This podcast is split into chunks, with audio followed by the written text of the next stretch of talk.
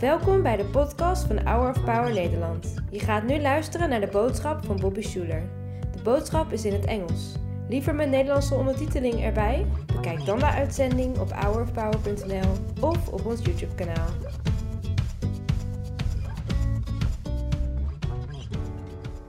Today is a really special day because we're changing the creed. Everybody go like this. So if you come here for a long time, you, you know there's this creed that I introduced maybe 10 years ago. And it's something that I said in my personal life, but for about six years, there's one little tiny phrase that has bugged me a lot. Is the last uh, two words actually of the creed.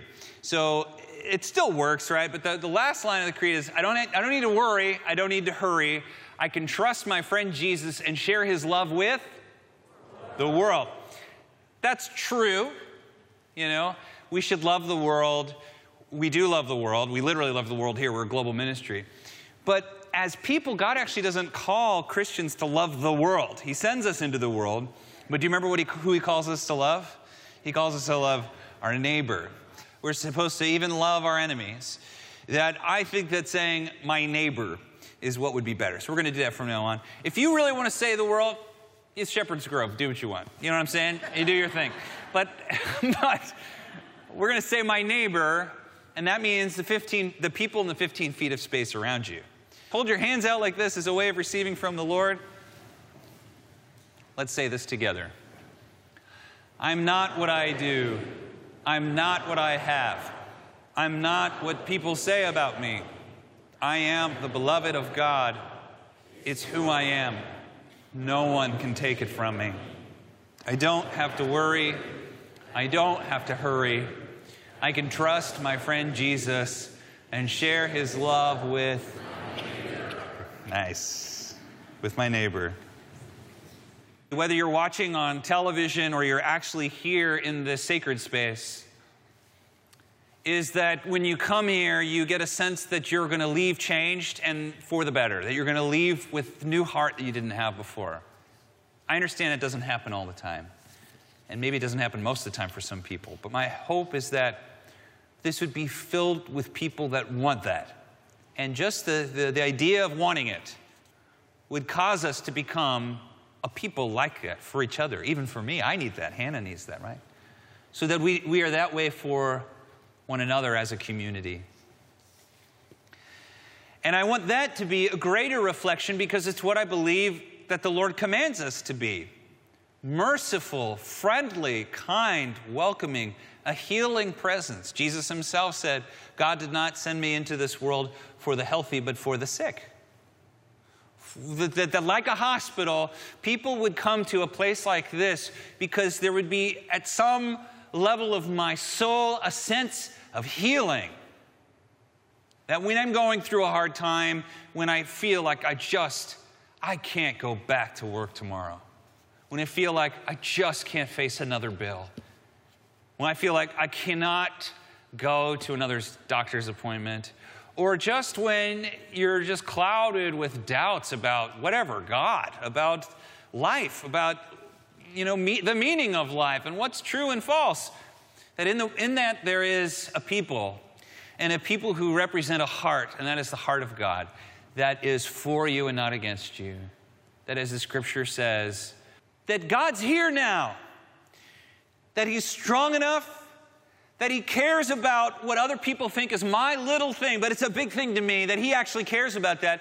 And that right now, at two o'clock in the morning when I can't sleep, I know I can run to a God whose arms are open and also who is ready to fight for me, that is ready to hear my prayers, that is ready to, to speak to me in my time of suffering and ready to give me a peace that surpasses understanding.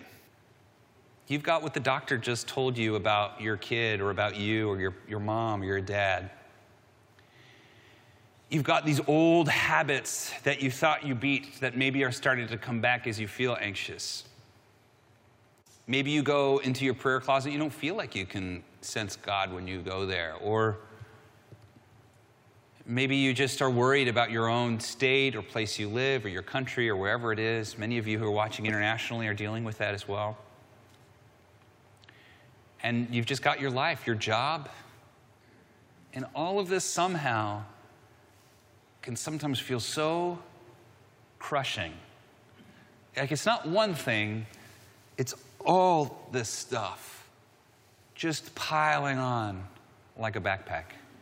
My prayer for you, my friend, this morning is that the Holy Spirit would do a miracle in your life, that all of that crushing weight, like just picture it, like crushing weights on your shoulders, would turn to balloons, and you could just sort of let them go. Just letting them go. The, um, you know, Jesus taught us, he said, Do not worry about what you'll eat or drink or what you'll wear for the pagans run after these things, and your heavenly Father knows you need them. He knows you need them. Most people stop right there. Christopher Hitchens, who is an outspoken atheist, but somebody I really enjoyed reading and listening to, loved to pick on this verse as a criticism of Christians. And he and many other critics don't understand the point of the verse. It's what's said after that. Jesus doesn't say, don't worry. He says, but seek first God's kingdom and his righteousness, and all this other stuff will be added to you. So Jesus isn't saying, don't worry. He's saying, instead of worrying, seek after God's kingdom. That is the reign and life of God, God's wisdom, his ways, and it's practical wisdom, his life, and these things will take care of themselves. That word he uses, by the way, is merimnao, which I've taught before. It, the word for worry actually means to be pulled apart, like in every direction. And so instead of going in a million different directions, you go in one direction. I'm just going to love the Lord with all my heart and love my neighbor as myself and trust the, the rest of the Lord. Do my best, forget the rest. That's it. And you will. I want to encourage you that when you get these feelings, these tight feelings in your chest and your mind, when you're up late at night and you can't sleep, that you train your first response not to be to blame your spouse or blame the government or some party or whatever it is that's bugging you and not blame anybody, but just run to God and just say, Lord, this is what's on my mind and heart. What's your answer to this? And how can I get in line with that big idea? I want you to know God's got victory in store for your life. And half of attaining that victory is just believing that it's so. Okay, all right. That brings us to our scripture, Psalm chapter 27. If you have a Bible, you can read with me, but this is David. He is that friend of yours that like you want to go to a party with, but you know you probably shouldn't. You know what I mean? He's like, he's like, we always think of him as the saintly person. He's really not. He kind of like goes through waves. Anybody else here go through waves? Good phase and bad, you know. And a lot of that is and the shocking thing is not that he's a train wreck, the shocking thing is that God loves David so much. So, this is one of the things we learn. And, I th- and it's obvious that God kind of likes David more than a lot of other Bible figures, at least it reads that way. And I've often asked myself this question what makes David so special? And I think what makes David so special is that his heart is always bleeding for the Lord. Like he's always just yearning for God. And when he's an idiot, he knows he's an idiot. He's like, Lord, I am a, I am a dummy. I'm so sorry. Please forgive me. And God's like, okay. That's amazing. Isn't that great? Gives me hope. Does it give you hope? All right. Somebody's getting hope from this, and I appreciate that. I, uh, so, so when king, when king David is anointed king, his life gets worse, you see? Comes under attack and he doesn't know what to do, and he's worried, and he's crippled with fear. And, and so he runs to God and he calls God his stronghold. We're going to go through this verse by verse. Actually, it is a famous verse. You might have it memorized. He says in Psalm chapter 27 The Lord is my light and my salvation. Whom shall I fear? This word salvation, it does not just mean going to heaven when I die.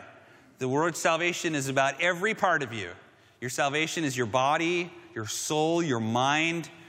God cares about it all. He cares about everything about you. Do you care just about your kids? Those of you who are parents, do you care only about your kids' spirits?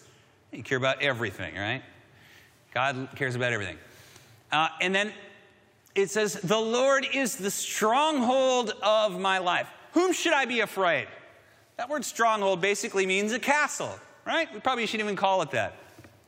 In David's day, people were not generally worried about war between great nations. We think of it that way because history is written as France goes to war with England, right? Or whatever. And but that happened actually pretty rarely, once in a lifetime maybe. But in most people's lives, the kind of warfare they were worried about was tribal stuff from raiders. This is true in the early medieval period in Europe after the fall of the Roman Empire especially the northern parts of, of Europe, were constantly being raided by what we think of as Vikings and people in ships and pirates, where you just be, everything's going great. You've got your little family and you're having like, you know, it's like, I don't know, the Shire or something, and then a bunch of Vikings come in and they take everything and kill a bunch of people. And it's like lightning, and then you never see them again. And so, this kind of thing throughout human experience in nearly every part of the world for thousands of years until like gunpowder has been something that human beings have worried about. And one of the best solutions to that is a stronghold, a castle. And so in David's day, in the early Iron Age in the Near East, you could see even the city of David was a stronghold. You know, it's a wall. And if you're in those walls, raiders can't really do anything because they don't bring trebuchets with them everywhere they go, you know? they just they just pick off the easy targets. So, in the ancient world, if you saw raiders coming, what would you do? What's the answer? You don't stand there and worry. You don't defend. You just run into the stronghold. You grab all your valuables, you run into the stronghold, and you wait. And that's what God, that is a metaphor for our life. That though we're not dealing with Vikings coming through anymore, hopefully not, you know, it's been a weird five years, so I wouldn't, but we might see castles going up again but saying that doesn't happen. That in life, you're meant to, like, like you would if you lived in a village, running to your castle, you run to God. It's just natural. It's what you do. You run to God, and then in that safe place, you're able to, to, to sort out life. And then in verse 2, uh, David says, When evil men advance against me to devour my flesh, when my enemies and my foes attack me, they will stumble and fall. Many of us, we don't have enemies, right? You don't have like a guy that's trying to kill you, has like a bounty on your head. So, uh, in the same way, uh, we don't have a lot of enemies, but we have these things in our life that feel like, in an abstract way, like enemies, right? right? These things that are, that are coming after our lives. And David is essentially saying, when you run into God's fortress, you almost want those things to come after you because it's like it, it will fall in the trap. Like, if you were in those days and you ran into a castle, you almost want the raiders to come because you kind of want them to die. You know what I mean? You, and you want to see them get picked off. You want to see them fall into the pits that are around your little castle. And, and that's kind of how it, David is saying, like, if I'm in God's fortress and my enemies move towards me, they, that will actually be the thing that destroys them. The Bible says that whenever, uh, whoever touches you, touches the apple of God's eye. Isn't that a wonderful passage? It's like when somebody pokes you, it's like they just poked God in the eye. Isn't that a great passage? I love that. And, he's, and God's just like, Wah! I think it's great. And then uh, verse 3, it says, Though an army besiege me, my heart will not fear Though war break out against me, even then I will be confident. And here we get to this idea of the fear of the Lord. It's an idea for new Christians or people that are not Christians. It kind of it doesn't sound right. It doesn't seem like a good thing. But to fear God is the same way that a guy in a you know machine shop has a fear of a forklift, or that someone who's camping has a fear of fire. It means you you're not afraid of it, but you have a sort of respect for it. And in a way, that takes away all other fear. So here's one way. I remember, uh, I use love this analogy, but Hannah's dog growing up, here, here he is. This is a, Mozart. His name is Mozart. Wasn't a super intelligent dog, but was very cute. He's a Shih Tzu. It's the only time you can cuss in church. And Mozart was uh, a coward. You know, like anytime someone came into the house, Mozart would run away terrified. If there was any loud sound, he would like turn real quick. He was still adorable. But the funny thing was, if somebody that Mozart was afraid of came into the house, you'd see him run away, scurry away, disappear. And then Doc, Hannah's dad, would pick up Mozart. And then the second he picked up Mozart, Mozart would be like, you know, he would turn into this like tough dog and he'd go, you know, Doc is holding him. And then if Doc puts him down, he'll like whimper and like do this, you know, and he's like kind of scared. And then the second pulls him, he's like, you know. And in a way, that's what it means to fear the Lord. This is actually an analogy for the Christian life. You know, that, so often, like when we sense the Lord holding us in life and we we fear the Lord in a way, it gives us personal strength towards the things that we feel like you just can't face an, another one of these. Or maybe you had an experience like that with your own parents, where you were kind of had a fear of your dad or mom, but when they were with you and uh, when that time the bully was around, or when they were with you when you had to face that scary thing, boy, were you glad that you, they were there. My dad, especially, when I was a kid, was a big dude. He, he is a big dude, but he's my same height. We're the exact same height, 6'3. A lot of people on TV can't tell, but I'm tall.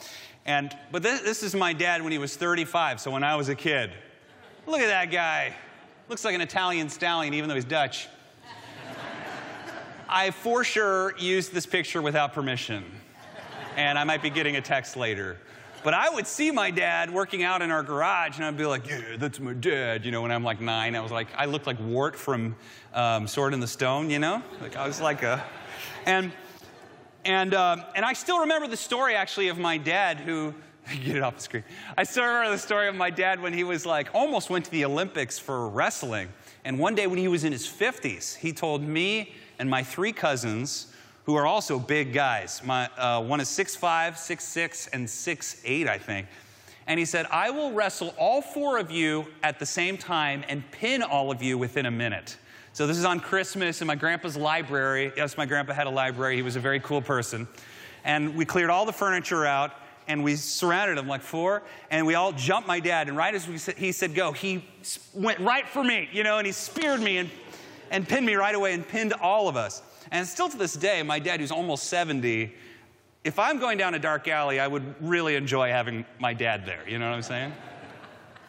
this is what it's like times a million when you get to know God. God is here right now. He's here. He's just not on your mind. He's here.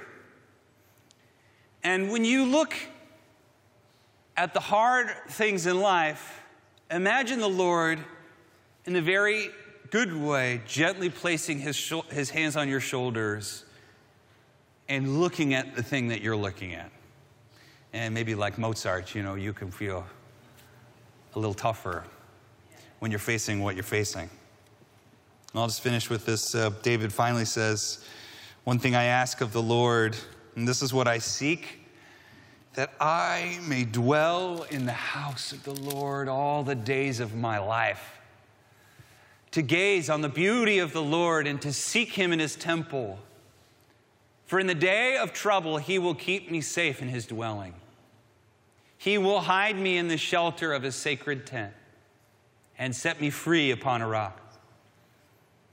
When we feel stressed or worried, you run to God, run to him. A lot of times we say, don't hurry. The one time you hurry, you hurry into, the, into your prayer closet. You hurry to the house of the Lord. You hurry to hear from His Spirit, and He will bring you victory. This is practical wisdom, my friends. When you get bad news, seek out the good news that's coming from the Lord. He has not finished your story with whatever bad news you got. And you know what's so great about God is so often in life, the thing that you thought was going to be so bad, he turns it around and like makes it this amazing, like it's better. Like you look back and you just go, I'm so glad I got fired. Best day of my life. Or whatever. And that's not to say that what you're facing is not a big deal or is not crushing your soul, but it's to say that when you enter into God's presence and He's on your mind, you get the confidence and the faith to know God will overcome this. I believe His word is true. I believe it's for me. I believe it's today. And I believe it could even happen now. And so I trust the Lord with all my heart, and I'm not going to worry. I'll just give it to Him, do my best, and forget the rest. And so let's pray over that now. Lord, we believe you. We believe that your word is true. We believe that you don't hold even one sin against us because of Christ crucified. We believe that when you see us, you see the apple of your, of your eye. We believe that you look upon us with favor and joy. We believe that you are the most joyful and powerful person in the universe and that you care about our lives right now. With faith and boldness, we turn our back on the enemy who would choose to deceive us, and we say, He is a liar. We trust the Word of God. We believe that it's true, that you are here now, and that you can help us in our time of need.